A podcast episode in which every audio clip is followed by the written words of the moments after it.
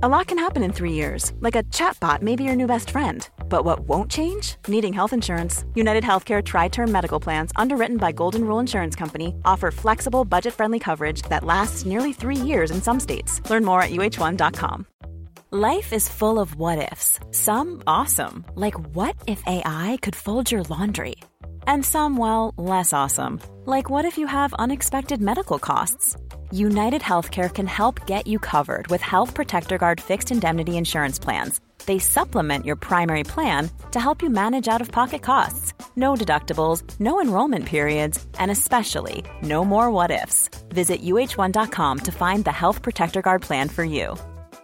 Mother's Day is around the corner. Find the perfect gift for the mom in your life with a stunning piece of jewelry from Blue Nile. From timeless pearls to dazzling gemstones, Blue Nile has something she'll adore. Need it fast? Most items can ship overnight. Plus, enjoy guaranteed free shipping and returns. Don't miss our special Mother's Day deals. Save big on the season's most beautiful trends. For a limited time, get up to 50% off by going to BlueNile.com.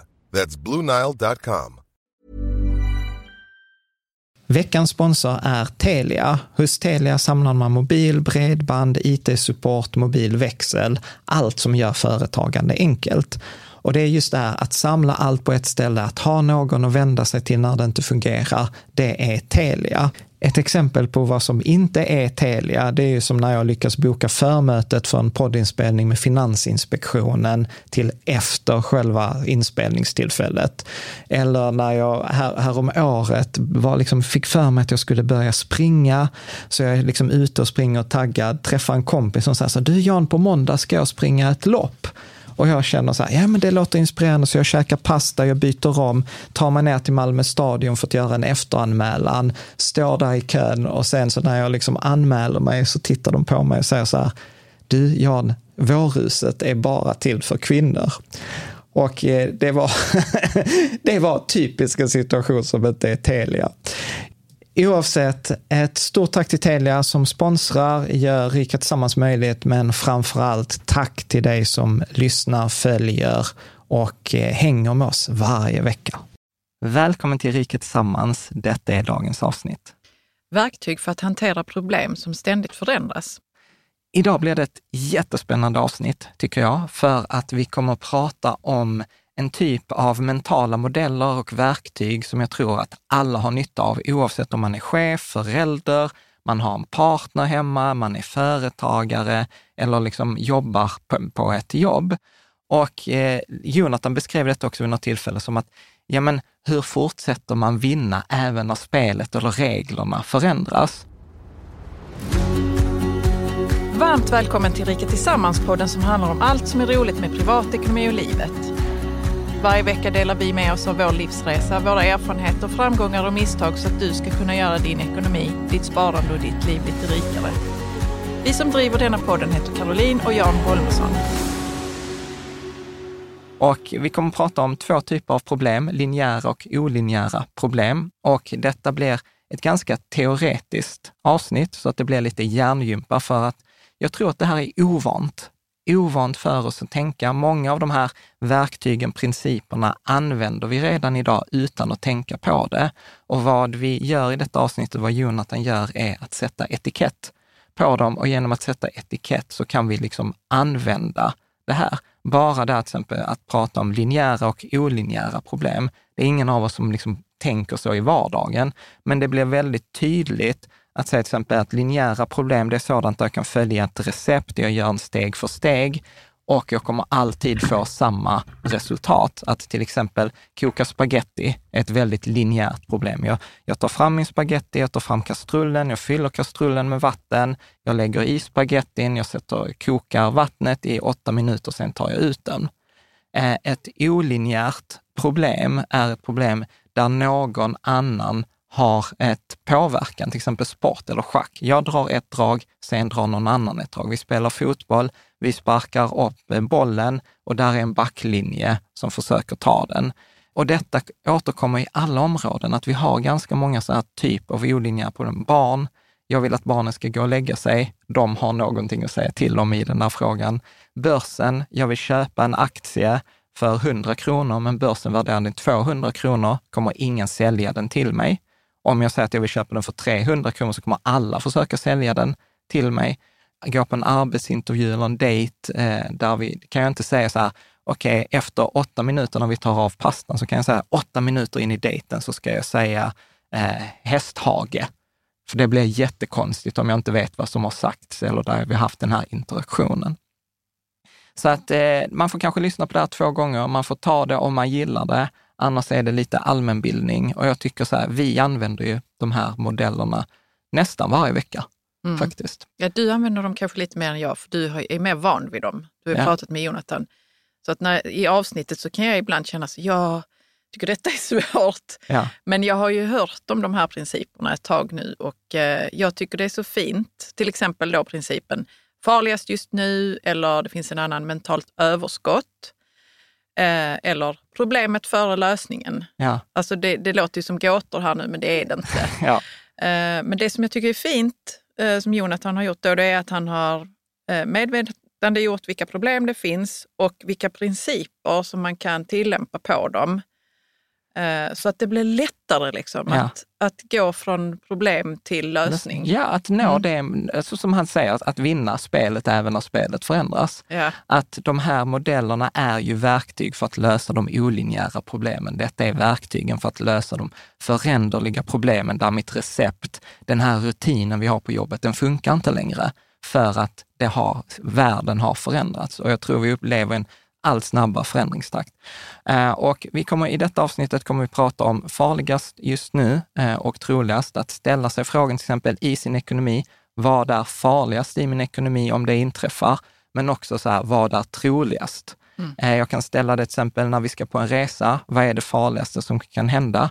Och det kan vara så här, vi glömmer passen, så vi kommer inte få gå ombord på flyget. Har vi med passen?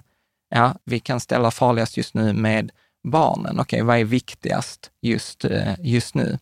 Vi pratar om mentalt överskott som är en princip som handlar om så här, har jag kapaciteten att ta in? Att till exempel jag kommer hem, du har eh, precis hämtat barnen, du lagar mat, eh, äl, liksom vår äldsta dotter skriker och vill ha någonting och så kommer jag in och ska berätta bara, åh, nu har jag gjort denna coola affären. Och, och då blir det så här bara, det blir bara stopp. För det går liksom inte att ta in mer ja men då pratar vi om mentalt överskott, hur man kan jobba med det, hur man kan identifiera det hos sig själv, hur man kan hjälpa andra till mentalt överskott. Och bara ställa en sån fråga, kan du ta in just nu? Mm. Liksom, lite där vi ibland kallar slarvigt för timing. Uh, och avslutningsvis kommer vi prata om problemet för lösningar. Till exempel i forumet så är det många som frågar så här, men uh, hur ska jag spara? Och sen kommer vi ridda indexfond. Och indexfond är en jättebra, ett jättebra recept men det funkar ju inte, till exempel om personen ska köpa ett hus nästa vecka. Då är indexfond en väldigt dålig lösning. Så att vi måste hela tiden liksom identifiera problemet innan vi ger en lösning. Så att värdet är att ställa sig frågan, det är ett klurigt avsnitt, men det är ett väldigt roligt avsnitt. Det är ett avsnitt som man kan, kan faktiskt vara i vissa avseenden livsförändrande, för man kan ja. ha med sig, för man får ett språk för något man inte hade haft ett språk. Snyggt. Nu tänker jag inte att vi behöver prata mer, utan eh, vi släpper på Jonathan och eh, så ses vi sen. Varmt välkommen Jonathan Stolzenberg. Du har ju jobbat inom Försvarsmakten i många år, bland annat som livvakt i högriskområden. Du har jobbat mycket med att utveckla grupper och ledare att hantera olika situationer med okända förutsättningar och hög komplexitet. Och Just nu så upplever jag att du lever ditt bästa liv där du liksom slutför din utbildning som sjuksköterska samtidigt som du hjälper företag med liksom föreläsningar, workshoppar, rådgivning och framförallt konkreta verktyg för att hantera det som inte går att förutse eller som du själv pratar om som att skapa rutiner för orutin. Mm. Varmt välkommen! Tack så mycket! Vill du lägga till någonting? Jag är en fantastisk god äggröra. Ja. ja. det är sam- lika stor anledning att lyssna på något jag har att säga som det andra, skulle jag tro. Ja, men, Berätta och det, dina tips. Och det, och, och det kommer vi också komma in på. Annars från Stockholm, och sambos, ja. Helena eh, och liksom så här. Men jag tänker ju så här, där är ju så mycket bara i den här presentationen som jag hade liksom velat börja prata om. Allt från, som jag, jag tänker så här, livvakt i högriskområden. Mm. Liksom, låt oss ta elefanten i rummet. Mm. Berätta, mm. hur hamnar man där? Vad innebär det? Varför? Och, eh, jättebra fråga. Eh, jobbat i försvaret då i, i tio år eh, och det var väl lite en av de delarna som jag såg mest fram emot, den typen av mindre grupper får ta lite mer eget ansvar, mer initiativ. Eh, det fanns säkert en hel del romantiserade bilder av hur det är att jobba som, som livvakt. Eh, men det var någonting som jag ville utforska i alla fall. Och eh, jag tror absolut att det är det absolut bästa jobbet jag haft. Ja. Fantastiskt roligt. Utmaningar man, man ställs inför som man inte ens visste existerade. Liksom. Som vad då? Det kan vara all, allt från att du har spilt senap på slipsen på diplomatmiddagen och behöver byta den till eh, du är ute i öknen någonstans och verkligen behöver liksom fatta ett snabbt beslut. Eh. Och steget därifrån till att börja jobba med liksom svenska bolag och mm. hjälpa dem med de här, ja men hur, hur hanterar du det som inte, eller hur förutser du det mm. som inte går att mm. förutse? Mm. Liksom, hur, hur, hur var liksom steget från livvakt ute i öknen, hantera liksom shit happened, till det där? För, för mig så tror jag det blev ett intresse för just komplexitet. Att se att mycket av de, eh, de planerna eller de förberedelserna vi, vi ägnade åt oss höll sällan. Ja. Utan det, man behövde ha ett alternativ som kunde klara av den förändringstakten istället. Och ganska tidigt så insåg jag väl att det här funkar ju i andra områden också. Då, eh, där företagen är en sån del. Så att kunna hjälpa andra på samma sätt som vi hjälpte i, i försvaret att hantera komplexitet och förändringstakt blev liksom ett naturligt nästa steg. Det blev bara en ny exponeringsyta att göra samma sak då.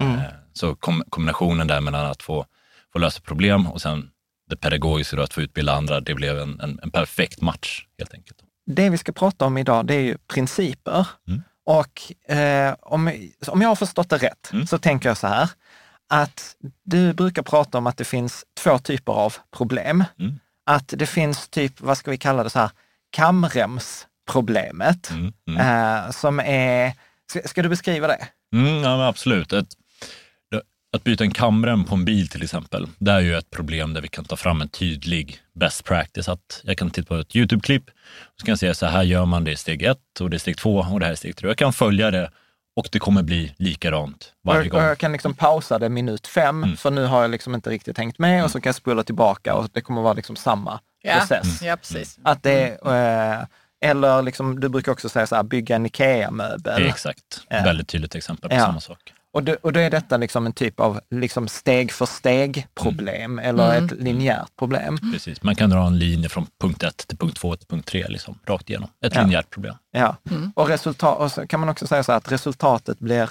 nästan alltid samma. Mm. Föl, följer jag det så blir det samma sak. Uh, och den andra typen av problem mm. är ju mer då, du brukar kalla dem för liksom så här olinjära problem. Mm. Icke-linjära eller olinjära. Ja. Mm. Kan du ge ett exempel på ett sådant? Mm, ab absolut. Um, ett exempel kan ju vara en arbetsintervju där jag kan titta på en gång ett YouTube-klipp på någon annan som inför en arbetsintervju och sen ser jag att om en minut fem i det här arbetsklippet så säger de att svaret är två barn eller vad det nu må vara. Frankrike. Frankrike eller vad, vad som helst. Ja. Tar jag dem med med det in i min arbetsintervju och sen nu är det minut fem, äh, Frankrike. det är kanske inte så bra, nej.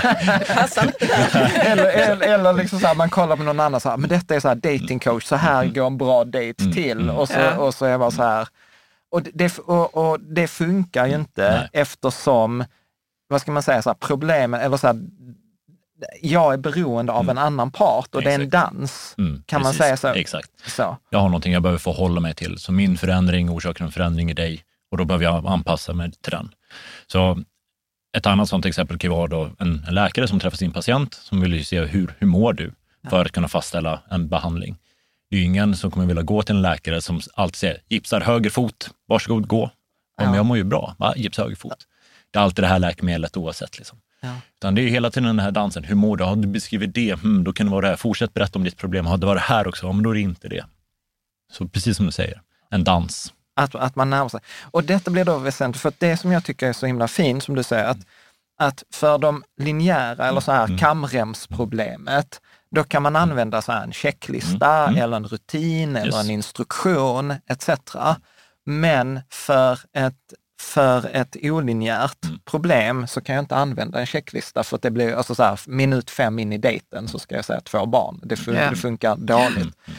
Och då blir liksom, kan man säga så här att principerna som är, då ska vara allmängiltiga, de ska vara hjälpsamma, de ska alltid fungera, de ska funka i alla områden, blir egentligen verktygen Mm. för den typen av problem där jag måste interagera Mm. med en annan eh, person eller Exakt. spelare. Exakt. Jag kan inte bestämma lösningen i förväg, utan då har jag hjälp av principerna för att hitta lösningen medan jag interagerar med den här personen eller problemet. Då. Ja. Exakt. För, för att jag tänker så att det är viktigt nu när vi kommer att prata om i Mm. avsnittet, prata om ganska många av de här principerna, så tror jag att det är en viktig grej så här, att ha med sig. Och liksom, nu behöver vi inte kalla det kam, jag vet, så här, kamremsproblemet, Mm. men Men vi, det- vi kallar dem linjära, linjära, problem. steg för steg. Liksom, så att jag kan ta, Mm. och, och där finns ju sen, om jag vet att jag, jag och Jonathan har ju nördat på det här, för sen kan du ha linjära problem som är enkla. Mm. Alltså så här, klä på mig kläderna. Jag, Mm. jag klär på mig kläderna i viss ordning, men det är inte särskilt svårt. Medan jag upplever så här, kam, byta kamrem Mm. på bilen, Mm. det är fortfarande ett linjärt problem, men som är ganska svårt. Mm. Eh, hämta barnen på dagis är ett olinjärt problem, för jag vet aldrig vad som kommer hända när jag Mm. kommer in genom Mm. dagisdörren. Fortfarande ganska enkelt, men eller ni som säger så här, skydda en skyddsperson Mm. i en kolonn som kör 120 kilometer i timmen i en afrikansk stad. Mm. Mm. Betydligt mer eh, komplex Mm. uppgift. Precis. Men så att man har de här, så att jag tror att det är viktigt att redan här, så att det inte blir så här, ja men checklistor är Mm. dåligt. Mm. Nej, checklistor är Exakt. dåligt för olinjära problem, Precis. medan checklistor är superbra för linjära eh, pro- problem. Mm. Bra, så att, är det någonting mer som vi ska lägga till? Ja, jag tänker, vill man så kan man ju ta det här steget längre, att det är Ja. svårt att kategorisera bara problemet. För om jag har för lite kunskap om att bygga en raketmotor, Ja. så för mig så blir det komplext. ja. även Även, om vi- om jag har ett YouTube-klipp. Även om jag har ett YouTube-klipp. Exakt. Medan om jag har någonting som är väldigt komplext, men jag har hur mycket resurser som helst. Alltså jag har ett, eh, ett icke-linjärt problem, men mina resurser är oändliga. Då kan jag ju få ett, Precis, jag ska bygga en raketmotor, men jag får använda alla på SpaceX. exakt. Då blev det ganska enkelt till och med. Så min lösning påverkar ju så. Så det, det går inte helt att frånskilja lösningen från problemet när Ja. man ska kategorisera dem. Ja. Och sen är väl också dessutom så att jag gissar, eller jag vet ju detta, att vissa problem, alltså så här, de går över i varandra. Mm. Att ett problem kan, vissa, vissa aspekter kan vara linjära Mm. och sen Mm. är det vissa olinjära Mm. Eh, moment eh, i, i det där också. Och sen tänker jag faktiskt en grej till också Mm. som kan vara bra att ha med sig in i, i den här konversationen är ju, som vi konstaterade faktiskt efteråt, Mm. att du och jag har lite olika utgångspunkt. Mm. Att du som liksom så jobbat mycket i militär och Mm. kampsport, Mm. så har du en naturlig kontextuell eh, förståelse för att där är en motspelare. Mm. Medan jag tänker aldrig att jag har en motspelare Mm. i mitt egen värld. Vilket jag I din vardag då? Liksom, Ja, men- eller? Ja men precis, utan du, som vi kommer i avsnittet så kommer Jonathan också prata, du kommer prata ganska mycket om så här, men, eh, ja, men om jag gör det här Mm. så måste, om jag drar det här schackdraget, så kan jag inte planera nästa schackdrag, för jag vet ju inte vilket schackdrag motståndaren gör. Är du med? Men jag tänker ju sällan att jag har en motståndare. För att, och, och det har jag också märkt i forumet, till exempel, vi tänker aldrig att om jag köper eller säljer Mm. en aktie, då är det ju en annan spelare. Som har sålt, ja. Ja. Och varför Mm. har den sålt? Ja, Mm. exakt. Mm. Så, att, Mm. så att jag tror också att det är viktigt att hela tiden komma ihåg att jag rör mig på en spelplan Mm. där det är många andra spelare. Och andra spelare har också liksom någonting att säga till Mm. om. Att de Mm. kan ta en position i en aktie innan jag tar Mm. en position i det. Eller de eh, tecknar sig i den här, eller jag har inte tillgång till att vara med på den här börsintroduktionen. Eller jag får inte lov att köpa amerikanska börsfonder Mm. för att det är någon spelare som har bestämt att svenska privatsparare ska inte få göra det om de inte klassas professionella investerare. Etc. Så att man rör sig inte i ett vakuum. Det tror jag också är ett ganska bra grej Mm. att, Verkligen. att, att, eh, ha, ha med sig i det här. Och kan man säga då detta att principerna är egentligen det som du kallar då så här, okej jag skapar en rutin för orutin. Exakt, ett strukturerat sätt för att på något sätt ta sig an det man inte kan förutse lite mer systematiskt. Ja, Så att vi har en gemensam syn i hur, hur hanterar vi det här på företaget eller i gruppen eller för mig själv för den delen. Ja. Absolut. Så precis, så precis. Ska jag byta kamremmen så har Youtube-klippet Mm, som verktyg. Ska jag gå på dejt eller ska jag gå på en anställningsintervju Mm, eller ska jag mm, hämta mm, barn mm, på dagis eller ska jag spela schack eller spela fotboll? Mm, mm, mm. Eh, så kommer jag alltid behöva liksom anpassa mig till hur situationen ser ut just nu. Mm. Och matchen i fotboll, är det så här, superlogiskt, så här, matchen i fotboll om fem minuter Mm. har jag ingen aning om hur boll, var bollen kommer att ligga. Exakt. Så jag kan liksom inte säga så här, om fem minuter sparkar vi hörna. Mm. Exakt. Nej, bollen kanske är på helt fel planhalva. Precis så. Grymt. Och sen det sista tänker jag också att Caroline, eh, där tror jag också att du kastar ljus på också, att, att ha empati med sig själv. Är detta första gången man hör detta så kan detta vara så här, usch, De här principerna då. Ja. Ja. att det kan vara lite så här mentalt eh, hjärngympa. Ja, hjärngympa. hjärngympa. Ja. Eh, och att låta sig få vara, vara kvar så här, nej jag fattar inte allting eller detta är någonting jag kommer tillbaka till eller som du också säger så att detta är någonting som kan dyka upp lite senare. Mm. Och, och då tänker jag till exempel så här, det roliga är att jag tror att du kommer känna igen ganska många av dem, för du och jag använder dem. Ja. Så, så nu kommer jag inte ta dem i någon specifik ordning, utan jag tar dem som i, eh, helt utifrån min egen verklighetsuppfattning, de jag gillar. Mm. Så jag tänker så här, tillräckligt bra. Mm. Det är ju eh, en av mina liksom, eh, favoriter. Så jag tänker så här, om, om du skulle säga så här, varf, liksom, va, kort intro till tillräckligt bra-principen och sen varför är den viktig och vad får man ut av den? Eh, Jag har ingen aning, det är inte en av mina principer, utan det är din. Fast det är du och jag som har pratat om Ja, det. vi, vi har pratat om tillräckligt bra, men det är helt, helt, helt Jag i har området. alltså inte den som princip. Nej. Nej. Okej, Vad men- roligt. Ah. Har du något som liknar Ja, den? ja, Ja. absolut. vad, he, vad, heter, vad heter din då? Det, det vi brukar prata om egentligen farligast just nu. Ja, Eh, det, det hade jag som nummer två. Farligast just nu? Farligast just Ja, nu. det kan vi också ha i Ja, vår mm. vardag. John. Ja. Precis. Absolut. Eh, och det är mycket möjligt att det finns andra som lyssnar som känner att men jag vet precis vad det är och Ja. perfekt så kanske det är. Eh, min upplevelse är att det oftast är motsatsen, att det, det är ett annat perspektiv. Det finns flera sätt att, att definiera den typen av princip, då, men vi har väl valt att prata om det som att man bör, en, en grupp eller en individ, bör fördela tillräckliga resurser till det problemet som både är farligast och troligast och därefter liksom nästa problem och nästa problem. Och i det så finns det ju flera liksom nyckelord egentligen. Dels är det ju då troligt, alltså ren sannolikhetslära. Men det finns också då farligt och där behöver man ofta definiera vad det är som är farligt. Och skilja på vad som kanske är farligt och, och vad, vad som är rädsla.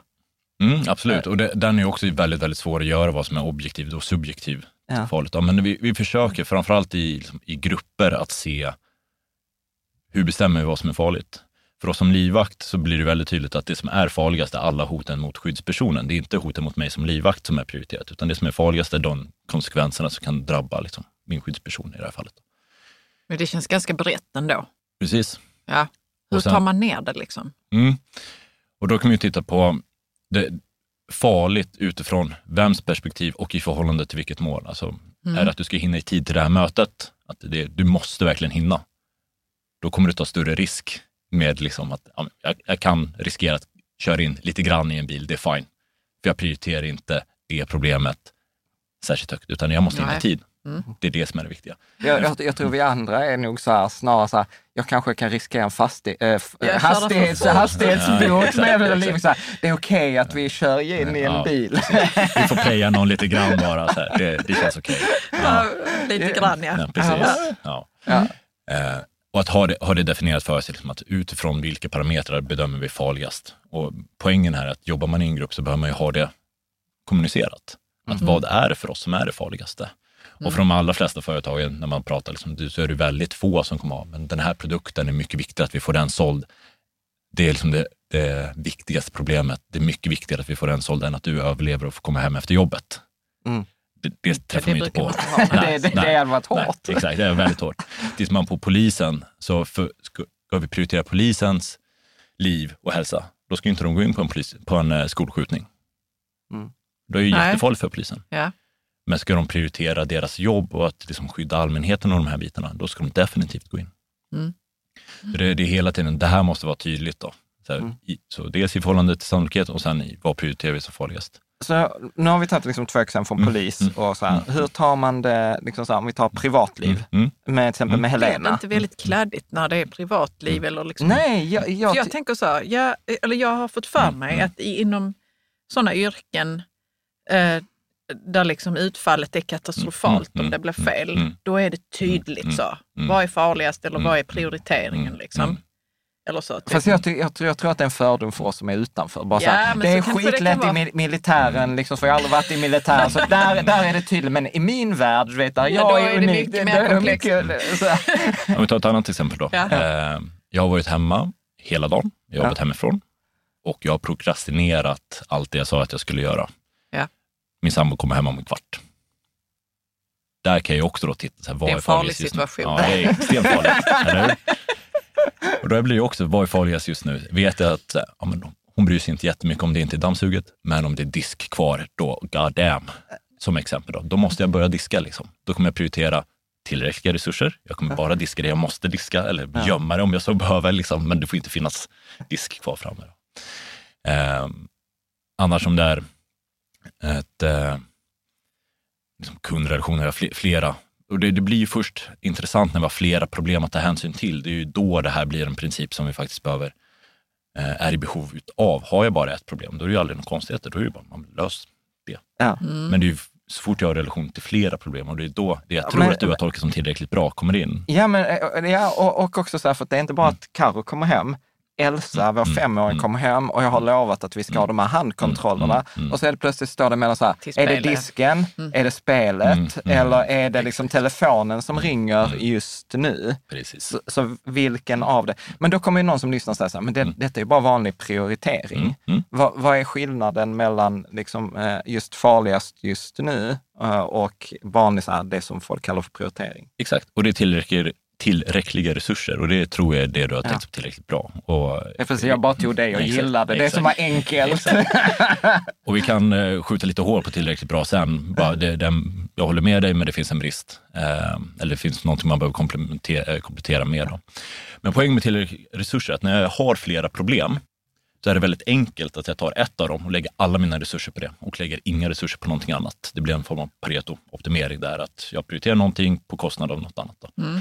Utmaningen här det är att se, just för att lösa det här problemet, hur mycket resurser kräver det då? Och sen så fördelar jag då precis tillräckligt, vilket gör att jag kan ha mer resurser kvar. Ja. Så jag då kan ta mig an nästa problem Mm. med tillräckliga resurser och därefter nästa. Mm. Och någonstans på de här tio problemen så kommer mina resurser ta slut. Man kanske bara kan fördela till fyra. Och då är det Ja, fine. tiden kanske är en resurs och den Exakt. tar tog slut. Ja. Exakt. Mm. Och då är det fine. Och det här är också en stor del där, där en av de feedback jag har fått när människor börjar jobba med farligt just nu är att det finns en helt annan acceptans. Att säga, det är okej att inte ha oändligt med resurser. Ja. Att det är, liksom, det är, det är okej att inte räcka till om ni förstår vad jag menar. Mm. Att säga, ah, men våra resurser tog slut där. Och sen när vi har löst ett problem, och då frigörs det ju mer resurser, men då kan vi omfördela. Men den tiden där när jag har slut på resurser, att det är okej. liksom. ja, för jag tänker som du säger att om man har löst det farligaste, Mm, mm, då, är, då, då får man en sån lättnadskänsla Mm, och, mm. och då är det Mm. nog okej med att eh, resurserna tog slut. Men vi löste det vi skulle, mm. eller? Precis, och Ja. där, det kan ju finnas massa problem kvar som behöver lösas.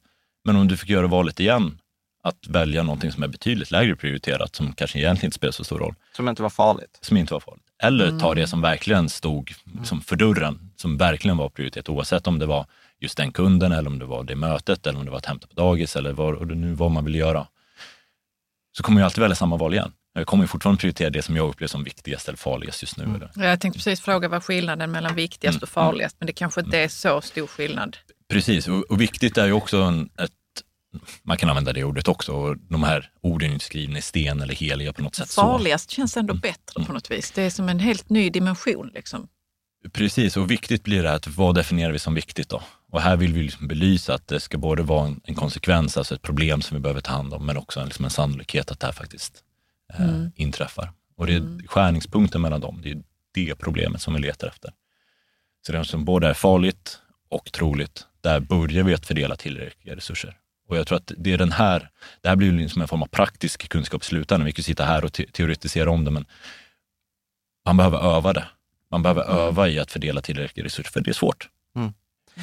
Men, men jag, jag, jag tänker, eh, det var en grej till. Om vi ska prata om ekonomi, Mm. vi är ändå liksom ekonomi på. Hur, hur applicerar du, eller hur applicerar man det här med eh, farligast just nu Mm. i en, priv, en privatekonomi? Eller ett Precis. sparande?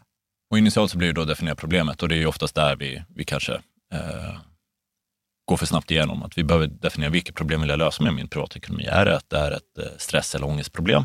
Okej, men vad är tillräckliga resurser för att jag ska känna en trygghet? Väljer man metoden buffert? Är det liksom rätt lösning för att jag ska skapa den? Eller är det att jag kanske har ett helt annat problem där jag vill ha spänning? Ja, men då är det inte buffert som är rätt, rätt lösning. Och hur mycket spänning vill jag att mitt sparande eller min ekonomi ska ge? Då? Men om vi tar det ur kanske mer ert perspektiv, så som jag har förstått det med att jag vill ha en trygghet och då, hur mycket behöver jag ha i buffert för att jag ska känna den tryggheten? Om vi säger att det är 50 000 jag ska ha i min buffert. Då. Allting över det, är uppe i 100, 150, 200, då har jag ju lagt för mycket resurser för att hantera ett problem, vilket gör att jag får ju ta då liksom resurser från som jag annars hade kunnat investera. Som gör att jag kanske får ett annat problem, att pengarna inte räcker till när jag är i pension. Precis, exakt. Så jag har löst det med att ha skapat ett annat. Exakt, exakt.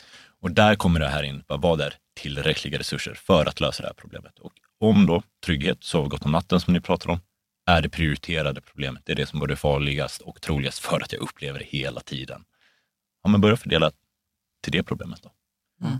Och sen är det klart, bara, pff, nu känner jag mig trygg, min nattsömn har blivit tio gånger bättre. Men vad är nästa dag? Ja, jag är orolig över pensionen. Jag är rädd att jag inte kommer kunna gå i pension när jag vill, hur jag vill leva det livet och så vidare.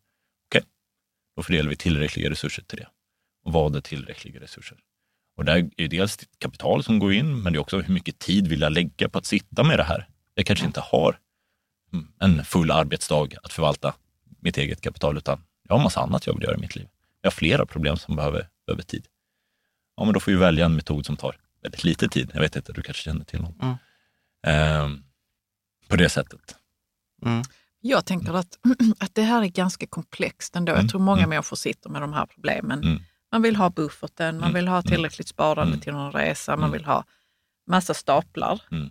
Och så är det liksom inte tillräckligt Mm. till alla de här Mm, staplarna. Mm, Det, är, det är nog också sånt som stressar en. mm, mm. Så. Hur kan man då använda liksom, principer som Mm, du mm, har mm. varit Men- med och utvecklat Men, för det här? Men för, Jan, du, eller hur? Du vet, du vet. Det räcker aldrig till, ja, de men, här resurserna till allt som man vill ju. absolut. Men jag tänker ju på det lite så som när vi gjorde det här avsnitten när vi analyserar någons privatekonomi. Mm. Då tänker jag ju så här, okej, vad, vad är farligast i Mm. den här privatekonomin? Vad är det som kan hända som skulle kunna kasta denna privatekonomin i diket? Och sen gillar jag det som du säger, så, okej, men det som skulle kunna kasta det är så här zombieapokalyps. Alltså om det kommer en zombieapokalyps, då kommer privatekonomin hamna i diket, garanterat. Alltså Ja. bostadsrätten kommer inte vara värd någonting och så här, är det troligast att det händer? Nej. Kanske inte. Så då är, då är det ju så här, okej, det var farligast, men jag behöver inte lägga någon tid för det, för det är så osannolikt. Okej, om vi tittar så här, arbetslös blir uppsagd. Mm, mer troligt än en zombieapokalyps. Eller, eh, eller vi tittar så här, okej, men dödsfall, ja, ganska osannolikt, men ganska hög konsekvens. Eh, och det kan lösas med ganska lite resurser, med en livförsäkring. Alltså så att, så att jag tänker att den här principen som så här farligast just, va, va, hur skulle du döpa den? Farligast eller troligast? Farligast och troligast, eller hur? Farligast just nu, det är alltså farligast just nu. Mm. Eh, att ställa sig den frågan, så här, okej, vad är farligast just nu? Mm. Och så titta på sin privatekonomi eller titta så här, alltså man kan ju titta på sin relation. Mm. Mm. Vad är farligast just nu? Ja, ja, absolut. eller jag kan titta göra. på mitt jobb. Mm. Eh, okej, vad, vad är det som är farligast just nu? Och så Mm. kan jag få min lista och sen kan man säga att okej, steg ett är så här farligast och sen steg två, okej, vad är troligast? Eller? Precis, det finns ju olika sätt att tackla det på. En del gör ju det att man definierar vad är det troligaste problemet och sen så definierar man vad som är det farligaste problemet och sen så Ja. bygger man utifrån det. Jag tycker att när man gör det, då missar man en del, utan man måste verkligen liksom kombinera de här två. Som apokalypsen finns ju med på det här spektrat, alla dagar i veckan, det finns med, men det kommer extremt långt ner. extremt långt ner, eller hur?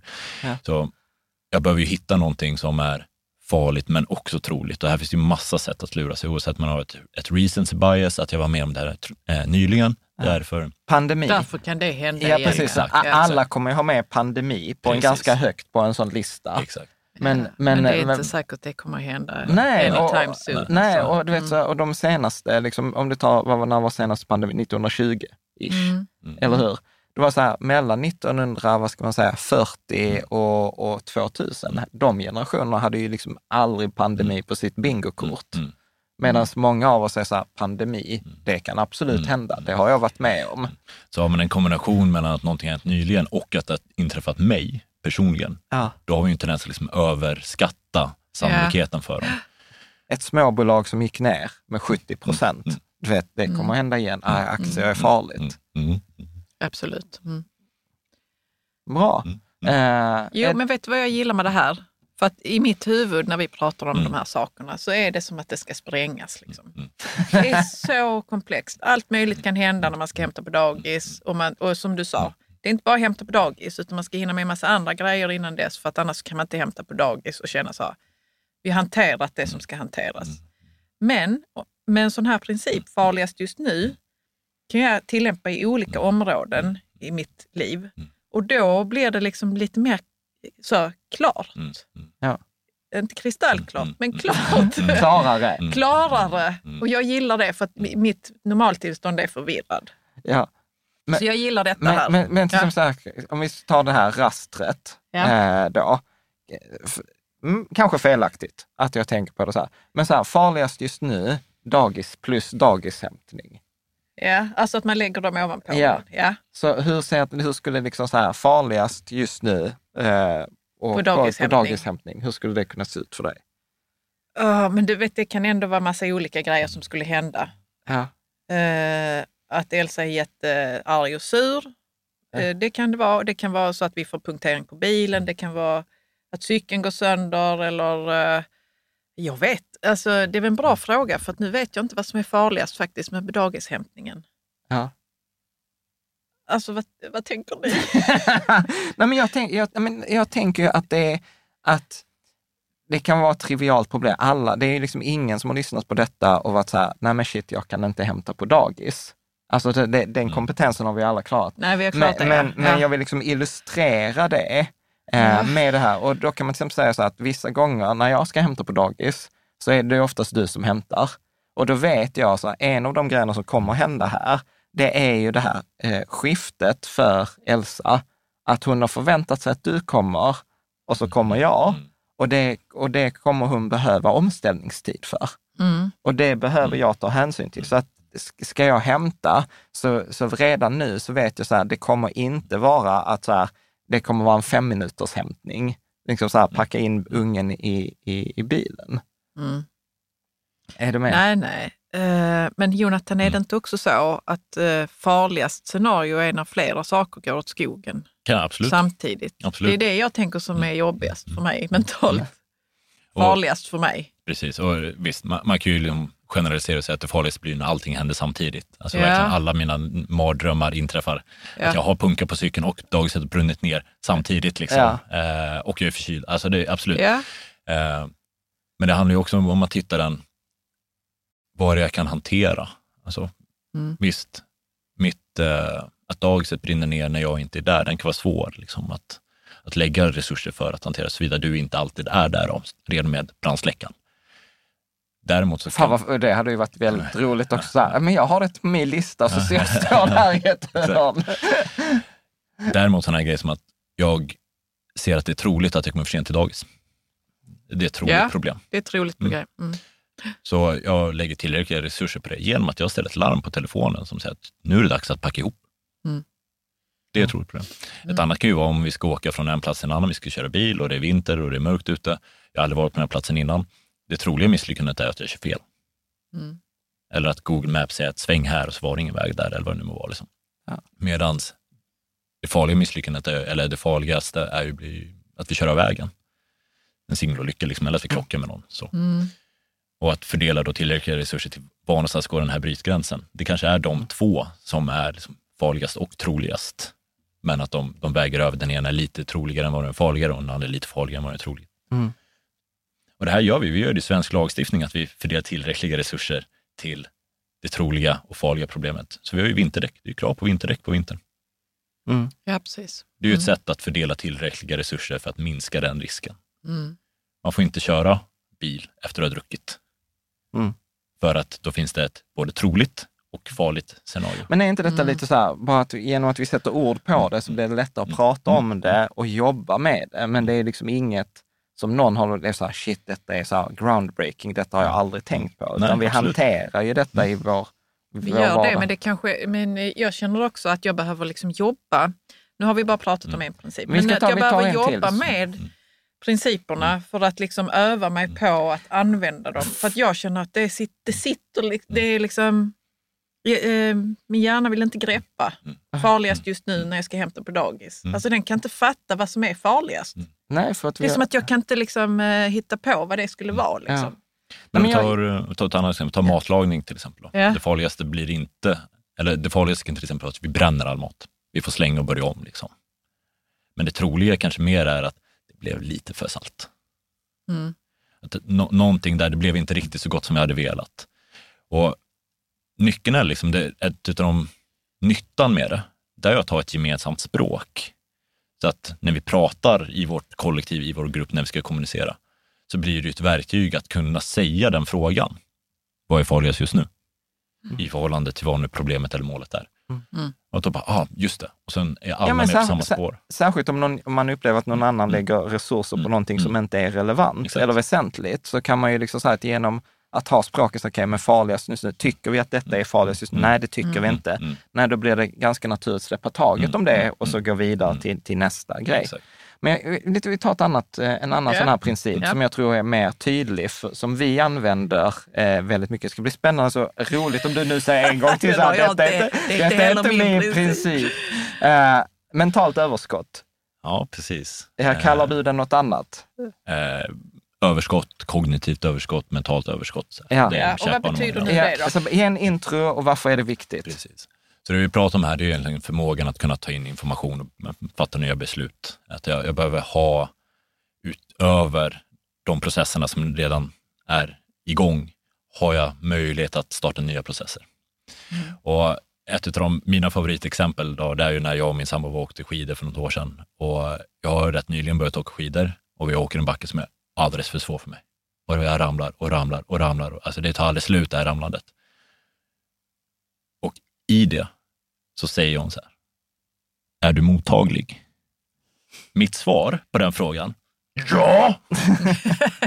Hemligheten är att jag var inte så mottaglig där, men bara att hon ställer den frågan påminner mig om som är, jag verkligen mottaglig? Har jag överskott? Vill, precis, att vill du ha tips? Liksom, exakt. vill du ha tips bara? Exakt. Att bara, okej, vänta, ta ett djupt andetag, känna att jag får det här överskottet. Ja. Och sen kan vi prata. Hi, this is Craig Robinson from Ways to Win, and support for this podcast comes from Invesco QQQ, the official ETF of the NCAA. The future isn't scary. Not realizing its potential, however, could be. Just like on the recruiting trail, I've seen potential come in many forms as a coach. Learn more at Invesco.com slash QQQ. Let's rethink possibility. Invesco Distributors, Inc.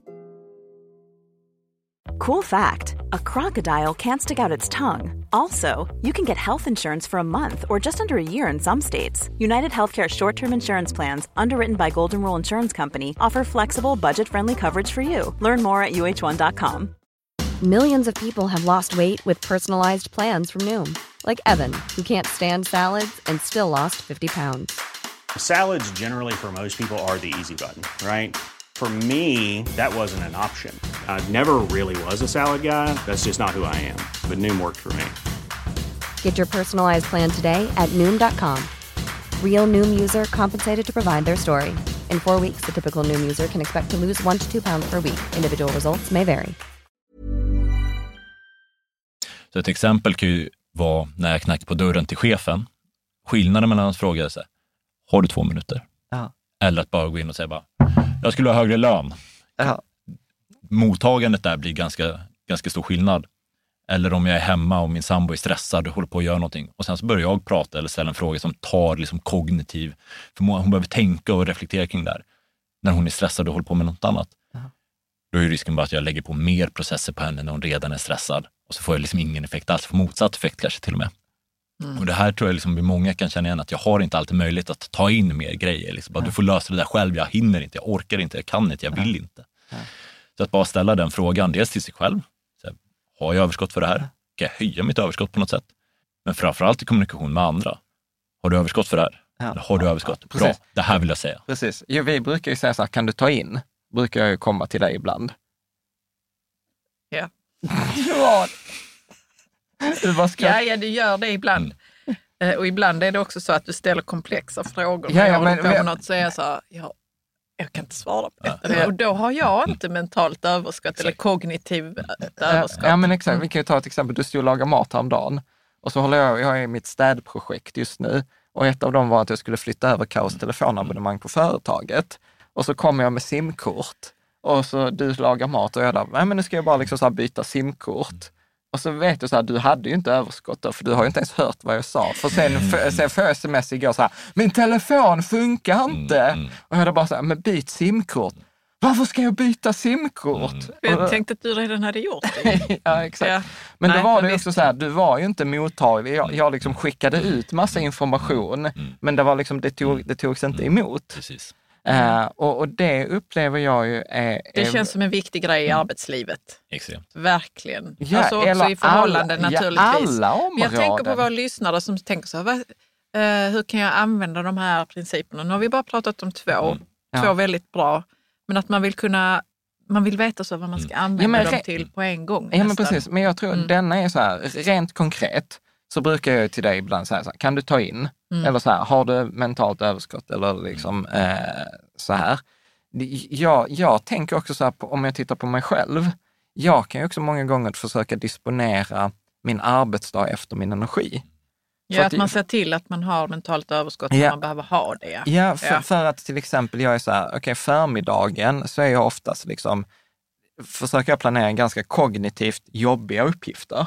Mm. Medan på eftermiddagen så vet jag så här, jag är lite trött och sånt, jag behöver inte ha liksom 100 procent liksom tillgång till min kapacitet. Och, och, du vet, då sa jag också till någon, så jag brukar boka in möten på eftermiddagen. För att jag, då behöver jag liksom inte, jag upplever så att sitta i möte är för mig inte lika mm. jobbigt som jag ska sitta och lösa ett mm. stort komplext problem på egen hand. Mm. Eh, så att det är ju ett sätt att managera min energi. En annan så här konkret sätt, så här, ett sätt att säga det är ju så här timing. Yeah. Alltså så här, taj, mm. när är tajmingen att komma med en begäran? Mm. Eller så att komma att jag vill be någon, som du säger, så här, löneförhöjning. Mm. Väldigt så här tydligt, behöver kanske inte ta det direkt efter att jag fått en utskällning mm. eller att mm. det liksom, vi ligger efter mm. eller precis hört så här senaste kvartalsrapporten att det går dåligt. Då är kanske inte tajmingen eh, rätt. Jag tror ett annat exempel som många skulle känna igen sig det är ju bilkörning. Den första gången man börjar övningsköra mm. så har man ju ett extremt lågt överskott. Bara att man ska liksom släppa upp kopplingen och trycka ner gasen samtidigt blir nästan för mycket. Mm. Men allt eftersom att man börjar öva det här och man kan börja automatisera vissa saker. Det finns ju mycket där ändå som vi kan metodisera som är liksom likadant varje gång. Så, men växelspaken går på det här sättet. Liksom, mm. Den kommer inte helt plötsligt bli någonting annat. Mm. Och sen efter ett par år så kan jag ju liksom köra bil, bör kanske inte prata i telefon, men kan prata i telefon, sköta fritösen och sköta radion samtidigt. Liksom. Mm. För att jag har överskott helt plötsligt. För att jag har kunnat effektivisera delar av mitt bilkörande. Liksom. Ja. Och där tror jag många kan känna sig. Men alltså det skulle ju vara intressant mm. att veta så när du har använt mm. det här mm. i ditt arbete. Mm. mm. Mig... I, I, vilka situationer det skulle Jag kan ju tänka, förlåt, du ska få svara, men jag tänker så här, om man ligger någonstans och, och är beskjuten, någon skjuter på en, då tänker jag så, då har man nog ganska lågt mentalt överskott. Det beror på om man aldrig har blivit beskjuten. Exakt. Eller om man, om man är vet, van att ja, det, ingår, det ingår i jobbet. Mm. Berätta, nu får du svara. Precis, och överskottet blir alltid relativt, alltså relativt min, min förmåga kontra vad, hur mycket processer blir då. Men eh, exempel, alltså jag stöter ju på det här hela tiden. Mitt överskott går ju verkligen i botten varje dag och sen så finns det liksom helt fritt överskott varje dag. Liksom. Så det, det pendlar ju där. Och vi har haft situationer på jobbet när det har varit möten, det har varit många rörliga delar, det kommer in människor till höger och vänster och man har liksom inte kontroll på den situationen. Det tar väldigt mycket energi att hålla koll på liksom alla de förutsättningar som, som förändras. Men jag förlorar ju överskottet när jag är stressad och sent till jobbet också. Mm. Eller att man står på sjukhuset och man ska liksom göra någonting. Men det häftiga tycker jag, det är ju när det finns en, en medvetenhet att man kommer på sig själv. Att nu har jag ett lågt överskott för att den här patienten vi håller på att jobba med håller på att krascha. Mm. Och att man i det kan höja sitt eget överskott, om- oavsett om det är att man börjar andas igen eller vad man använder för liksom, teknik för det. Och att i den insikten sen kan man höja de andras överskott. Ja. Och det är skithäftigt, att dels att göra själv, men också att se andra göra, oavsett om det är en ledningsgrupp eller om det är liksom på ett sjukhus eller om det är i en relation, en familj eller vad det nu må vara. Ja, höja sin partners eh, Exakt. överskott. Att man vet det, att bara, nu är du stressad. Mm. Nu hjälper jag dig att sänka ditt, din stressnivå, jag höjer ditt överskott. Så att vi tillsammans kan lösa det här problemet bättre. Mm. Och är tydligt till exempel när man tittar på liksom en, en, en grupp som sitter med ett problem, det är ju ljudnivån. Bara. Och sen så börjar man liksom kommunicera på Alltså, riktigt. vad, vad sa du, ljudnivån går ner Ja, den går ner. när exakt. man inte har eh, mentalt överskott? Eller? Nej, utan när du får ditt men, när man får överskott. sitt mentala överskott? Alltså, Mm. Initialt är folk stressade, man lyssnar inte riktigt på varandra. Nej, och sen nej. så börjar Mm. någon säga, bara, hm, det här känns, det här känns stressigt. Och så Ja. börjar någon andas lite grann. Och sen så kan det vara en sån enkel grej som att någon skickar ut en komplimang i det här stressiga krisläget. Ja. jag är jätteglad att det är er, att det är ni som är här när vi gör det här. Det känns, känns tryggt för mig. Och så märker man hur alla reagerar. Bara, Varför är han så lugn och inte jag? Mm. Och så Mm. börjar man reflektera över sitt eget överskott. Liksom. Eller att man börjar andas eller någonting. Eller ett skämt. Eller ett Så skämt. det där är nog väldigt användbart för många tror Mm, jag. mm. Att eh, se vad som pågår och hur man eh, hjälper hela gruppen att ta sig ur det. Exakt. Mm. Och vi pratar om det som reflektion i handling. Att medans jag gör någonting, att hela tiden vara liksom, se de signalerna som verkligheten skickar tillbaka. Nu gör vi det här. Hur svarar problemet på min lösning? Hur svarar jag känslomässigt på att vara i problemet? Hur svarar vi varandra? Hur, Är det en övningsfråga eller? För att Ja. jag, jag tycker så här, att jag själv har så himla bra förmåga att ta emot signaler från omgivningen. Sluta nu Jan. Mm. Medan andra inte är det. Nej, Eh, och det kan vara så, där är cykelbanan, du går på cykelbanan, du har inte tagit emot eh, signaler från omgivningen att du inte ska gå där. Eller Mm. vad som helst. Du kan inte parkera så, Mm. finns signaler från omgivningen. Så tycker jag själv att jag är så duktig på Mm. att ta emot sådana här signaler som omgivningen ger mig. Jag tror definitivt att det är praktisk kunskap. Praktiskt, alltså, eh, hur då menar du? Att man övar sig på det eller? Ja, alltså det, det du Ja. beskriver kanske är mer liksom en, en intuitiv kunskap, att du gör det här automatiskt. Ja, Det är inte att du ställer dig vid varje tillfälle på vägen till förskolan eller och reflekterar, går jag på rätt sida av vägen nu? Utan du Nej. gör det automatiskt. Liksom. Fast jag tycker mest att det är de andra som är idioter. varför säger du så? ja, men för jag tycker, Ja, det för tycker jag, naturligtvis. Men jag är ju också lika stor idiot eh, om jag är i en situation där det kommer signaler där jag typ inte kan ta emot Mm. dem, inte har mentala överskottet eh, naturligtvis. Men eh, eh, vad var det jag tänkte? Men får jag kasta in en grej? Ja, kasta in en grej. Jag för- tappade min tanke. Ja, men Ja. För, för jag tänker så här, för jag har föreläst ganska mycket. Mm. Och jag kommer ihåg liksom så här, i början så störde jag mig jättemycket på de som är sena. Och det, Mm. till och med jag har haft så här föreläsare, så här, det börjar 18.00, är du där 18.01 så kommer du inte in. Och så skulle jag liksom göra en grej av att lära folk komma i tid. Ja, men, för det, men där finns fördelar att hålla sitt löfte och liksom vara tydlig och så här. Och sen insåg jag så här, men tänk om det är så att den som är så här 18 och 10 faktiskt är den som har ansträngt sig mest. Det, det kan vara den personen som har liksom så här, kört in i bilar, eh, parkerat i trappan och liksom så här, verkligen, verkligen, verkligen ville vara med. Så att, så att jag tänker så att det där är ju ett sätt för mig till exempel att liksom behålla mitt mentala överskott Ja. liksom så med acceptans. Eller så här, nej men du vet så här, okej, nu, nu är Karo stressad eller liksom så här som igår, så här, kycklingen blev inte genomstekt. Och det är så här, det är okej. Det är fine, då lägger vi väl tillbaka den. Det behöver liksom inte vara något drama kring en massa grejer. Och då, då behåller jag mitt mentala Ja, fast överskott. du hade överskott från början där tror jag, för att kunna säga så, det är okej. Ja, ja, a- absolut. Men jag tror att det blir en Ja. träning för att innan jag hade ordet mentalt överskott Ja. Så kunde jag liksom inte ens sätta ord på eller peka Nej, nej. vad det är Mm. som pågår. Varför reagerar jag så i vissa situationer? Varför reagerar jag inte så? Varför, varför funkar det med Karo? Och Du vet, och så försöker man beskriva så här timing. Men timing funkar inte alltid. Och, och, och, och om jag använder ordet timing så kan jag inte hjälpa andra, för hur ska jag hjälpa andra med timing? Men om vi plötsligt sätter etiketten mentalt överskott, Ja, det passar väldigt bra. Ja. då, då blir det mycket enklare, för då har vi liksom definierat vad det är, vad det inte är, var jag kan använda det. Eh, Ett sätt precis som farligast just nu, ja men det är, det är en etikett på en princip som jag kan applicera och sen det fina är att det går att applicera så här, matlagning, hämta på dagis, ekonomi, eh, liksom öken, eh, polisinsats. Eh, Ja. Mm. ja, det är jättespännande detta Jonathan. som det kan underlätta ens tillvaro. Och ja, Och det fina, att- alltså det, det verkliga värdet upplever jag, jag känner ju jättestort värde av det här i, i min egen vardag. Att jag kan liksom coacha mig själv med det här. De hjälper min beslutsprocess att hitta en lösning när jag inte har den. Men det stor, stora värdet är ju tillsammans med andra. Att när vi Ja. delar språket mentalt överskott och vi ska lösa en uppgift eller flera, liksom, att man hela tiden kan reflektera. Jag har liksom en, ett ord att hänga upp det här jag behöver göra. Det som tidigare kanske bara var en konstig magkänsla, att varför är jag stressad och ingen annan? Eller att nu beter de sig på ett sätt, varför beter de sig? Ja, men de har lågt överskott. Och helt plötsligt så ökar man liksom acceptansen. Att säga, men jag fattar att du reagerar så här. Jag förstår att du låter otrevlig nu för att du har lågt överskott. Då kanske jag kan hjälpa dig. Komma tillbaka till överskottet. Och sen så helt plötsligt kan vi fatta nya beslut igen. Liksom. Ja. Ja. Ja, och, och, och särskilt i en stressad situation som vi liksom ham, hamnar i. Eh, bra, är det, om vi tar så här, är det några fallgropar? Med mentalt överskott, Ja, eller vanligt misstag? att man tror att man har högt överskott. ja, absolut. Så märker man att det hade man visst inte. Nej, nej. Om man tänker att jag kan ta fler processer än vad, vad jag klarar av. Liksom. Eh, ofta så går gränsen mycket, mycket tidigare än vad, vad vi själva tror. Jag klarar av att göra en till grej, en till grej, en till grej. Ja. Många kanske är egenföretagare som liksom delegerar för lite till, eller liksom tar hjälp i för liten utsträckning, känner att jag gör mer, jag tar det här också, jag tar det här också. Ja. Mitt kontrollbehov går i direkt konflikt med mitt mentala överskott.